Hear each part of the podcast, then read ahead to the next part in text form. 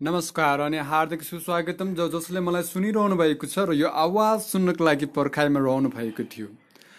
आदरणीय श्रोताबिनहरू आज मैले गोर्खापत्रमा प्रकाशित एसइई बारे एक हप्ता एक हप्ताभित्रै निर्णय हुने समाचार शीर्षक पढ्न गइरहेको छु जुन समाचार गोर्खापत्र समाचारदाताद्वारा काठमाडौँबाट प्रकाशित गर्नुभएको हो। आउनुहोस् सुरु गरौँ।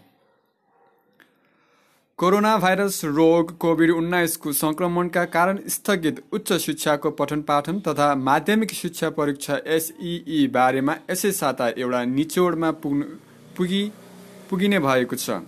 स्थगित परीक्षाका विषयमा के गर्ने भन्ने विभिन्न विकल्पमा छलफल भइरहेको र यसै साता एउटा निष्कर्षमा पुगिने शिक्षा विज्ञान तथा प्रविधि मन्त्री गिरिराज मणि पोखरेलले बताउनुभयो। शिक्षा पत्रकार सञ्जालले बिहिबार आयोजना गरेको छलफल कार्यक्रममा उहाँले परीक्षा गराउन सम्भव हुने नहुने निष्कर्षसँगै के गर्ने भन्ने छलफल भइरहेको जानकारी दिनुभयो।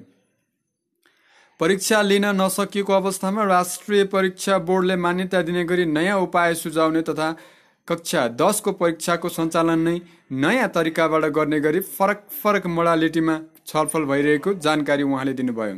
कक्षा एघार र बाह्रको परीक्षाका विषयमा पनि छिट्टै निर्णयमा पुग्ने उहाँको भनाइ छ। यस विषयमा अध्ययन गर्न गठित कार्यदलले यसै साता सरकारलाई प्रतिवेदन बुझाउने र त्यसका आधारमा निर्णयमा पुगिने उहाँले बताउनुभयो।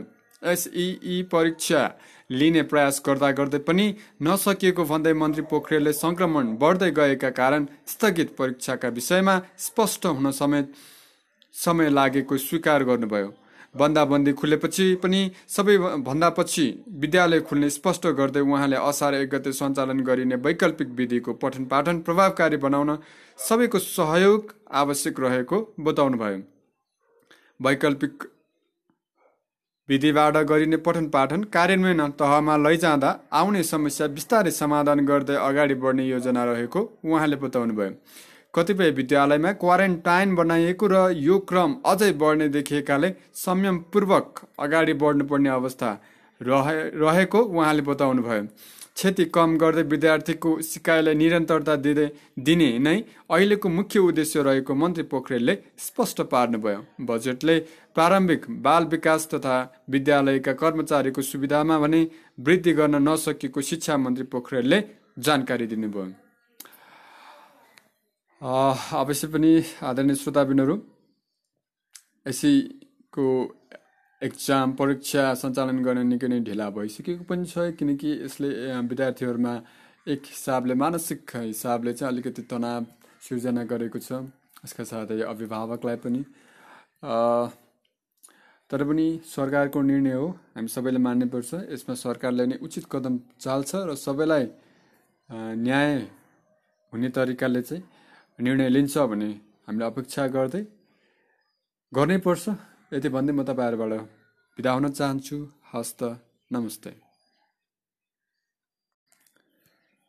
नमस्कार अनि हार्दिक सुस्वागतम। ज जसले मलाई सुनिरहनु भएको छ र यो आवाज सुन्नको लागि पर्खाइमा रहनु भएको थियो। आदरणीय श्रोताबिनहरू आज मिति दुई हजार सतहत्तर साल जेठ पच्चिस गते आइतबार तदनुसार सन् दुई हजार बिस जुन सात तारिकका दिन। आज मैले गोर्खापत्र राष्ट्रिय दैनिकमा प्रकाशित विद्यार्थीलाई घर घरमै पाठ्य पुस्तक समाचार शीर्षक पढ्न गइरहेको छु जुन समाचार शेषकान्त पण्डितद्वारा काठमाडौँबाट प्रेसित गर्नुभएको छ। आउनु सुरु गरौँ। कोरोना भाइरस कोभिड उन्नाइसको संक्रमणका कारण बन्दाबन्दीमा परेका लाखौं विद्यार्थीलाई घरमै नयाँ पाठ्य पुस्तक उपलब्ध गराइने भएको छ। स्थानीय तह तथा देशभरका विद्यालयको सहयोग तथा समन्वयमा विद्यार्थीलाई घरमै पाठ्य पुस्तक पुर्याइदिने योजना बनाइएको हो। सरकारको यो योजना सफल भएमा ढिलोमा पनि असार पहिलो साताभित्र विद्यालय तहमा अध्ययन गर्ने लाखौं विद्यार्थीको हातमा नयाँ पुस्तक पुग्नेछ। शिक्षा तथा मानव स्रोत विकास केन्द्रका निर्देशक गेहनाथ गौतमले कोरोना संक्रमणको त्रास कायमै रहेको तथा विद्यार्थी विद्यालयमा आउन सक्ने अवस्था नभएकाले विद्यार्थीलाई घरमै पुस्तक पुर्याउने योजना बनाइएको बताउनुभयो। वैकल्पिक विधिबाट अध्यापन गरिने भए पनि विद्यार्थीको हातमा नयाँ पुस्तक पुग्न सकेको अवस्थामा विद्यार्थीको सिकाइ प्रभावकारी हुने भएकाले पुस्तक पुर्याउने योजना बनाइएको हो। प्रविधिको पहुँच पुगे या नपुगे पनि विद्यार्थीको हातमा पुस्तक हुनुपर्ने र यो विद्यार्थीको न्यूनतम आवश्यकता भएको उहाँको भनाइ छ। सरकारले वैकल्पिक प्रणालीबाट विद्यार्थीको सिकाइ सहजीकरण निर्देशिका दुई हजार सतहत्तर साल सार्वजनिक गरेको छ। यसअघि शिक्षा विज्ञान तथा प्रविधि मन्त्री गिरिराज मणि पोखरेलले असार एकबाट मुलुकभरका विद्यालयमा वैकल्पिक विधिबाट पठन पाठन सुरु गरिने घोषणा गर्नुभएको थियो। विपद या महामारीका कारणले नियमित पठन पाठन हुन गर्न कठिन भएको वा हुने अवस्थामा radio FM radio television online परियोजना पाठहरू स्व अध्ययन दूर तथा खुल्ला शिक्षा लगायत वैकल्पिक माध्यम वा पद्धतिका पद्धतिबाट गरिने अध्ययन अध्यापनलाई वैकल्पिक विधि मानिएको छ। सरकारले जारी गरेको निर्देशिकामा विद्यालय जाने उमेर समूहका बालबालिकाको समूहगत वर्गीकरण गर्नुपर्ने उल्लेख छ। सो अनुसार विद्यार्थीलाई सबै किसिमको प्रविधिको पहुँचभन्दा बाहिर नरहेको विद्यार्थीको समूह रेडियो एफएम रेडियोमा पहुँच भएका विद्यार्थीको समूह टेलिभिजनमा पहुँच भएका विद्यार्थीको समूह कम्प्युटर भएको तर अनलाइन नभएका विद्यार्थीको समूह र इन्टरनेट तथा सूचना सञ्चार प्रविधिका साधनमा पहुँच भएका विद्यार्थी समूह गरी पाँच समूहमा वर्गीकरण गर्नुपर्ने निर्देशकमा उल्लेख छ। तर जुनसुकै समूहमा पढ्ने विद्यार्थी भए पनि सिकाइका लागि पुस्तक आवश्यक भएकाले विद्यार्थीको हातमा पुस्तक पुर्याउ पुर्याउने कुरालाई प्राथमिकतामा राखिएको हो। सरकारले विद्यार्थीको सिकाइ सहजीकरण निर्देशिकामा विद्यालय तथा शिक्षकलाई परिचालन गरी विद्यार्थीलाई घरमै पाठ्य पुस्तक पुर्याउने उल्लेख छ। माध्यमिक तहसम्म शिक्षाको जिम्मेवारी स्थानीय तहमा रहेको अवस्थामा स्थानीय तहले धेरै जिम्मेवार लिनुपर्छ भन्ने मान्यता राखिएको निर्देशक गौतमले बताउनुभयो। स्थानीय तहको निर्देशिकामा विद्यार्थीलाई घर घरमा पाठ्य पुस्तक उपलब्ध गराउने जिम्मेवारी विद्यालयको भएको उल्लेख गरेको छ। विद्यालयले आफ्ना शिक्षकलाई परिचालन गरेर विद्यार्थीको हातमा पुस्तक पुर्याउने जानकारी सरकारी अधिकारीहरूले दिएका छन्। राष्ट्रिय निजी तथा आवासीय विद्यालय अर्गनाइजेसन नेपाल एन प्याप्सनका अध्यक्ष ऋतुराज सापकोटाले असार एक अघि नै विद्यार्थीलाई पुस्तक पुर्याउने योजनामा आफूहरू लागेको बताउनुभयो। सरकारको यो अभियान सघाउन आवश्यक काम भइरहेको जनक शिक्षा सामग्री केन्द्रले जनाएको छ।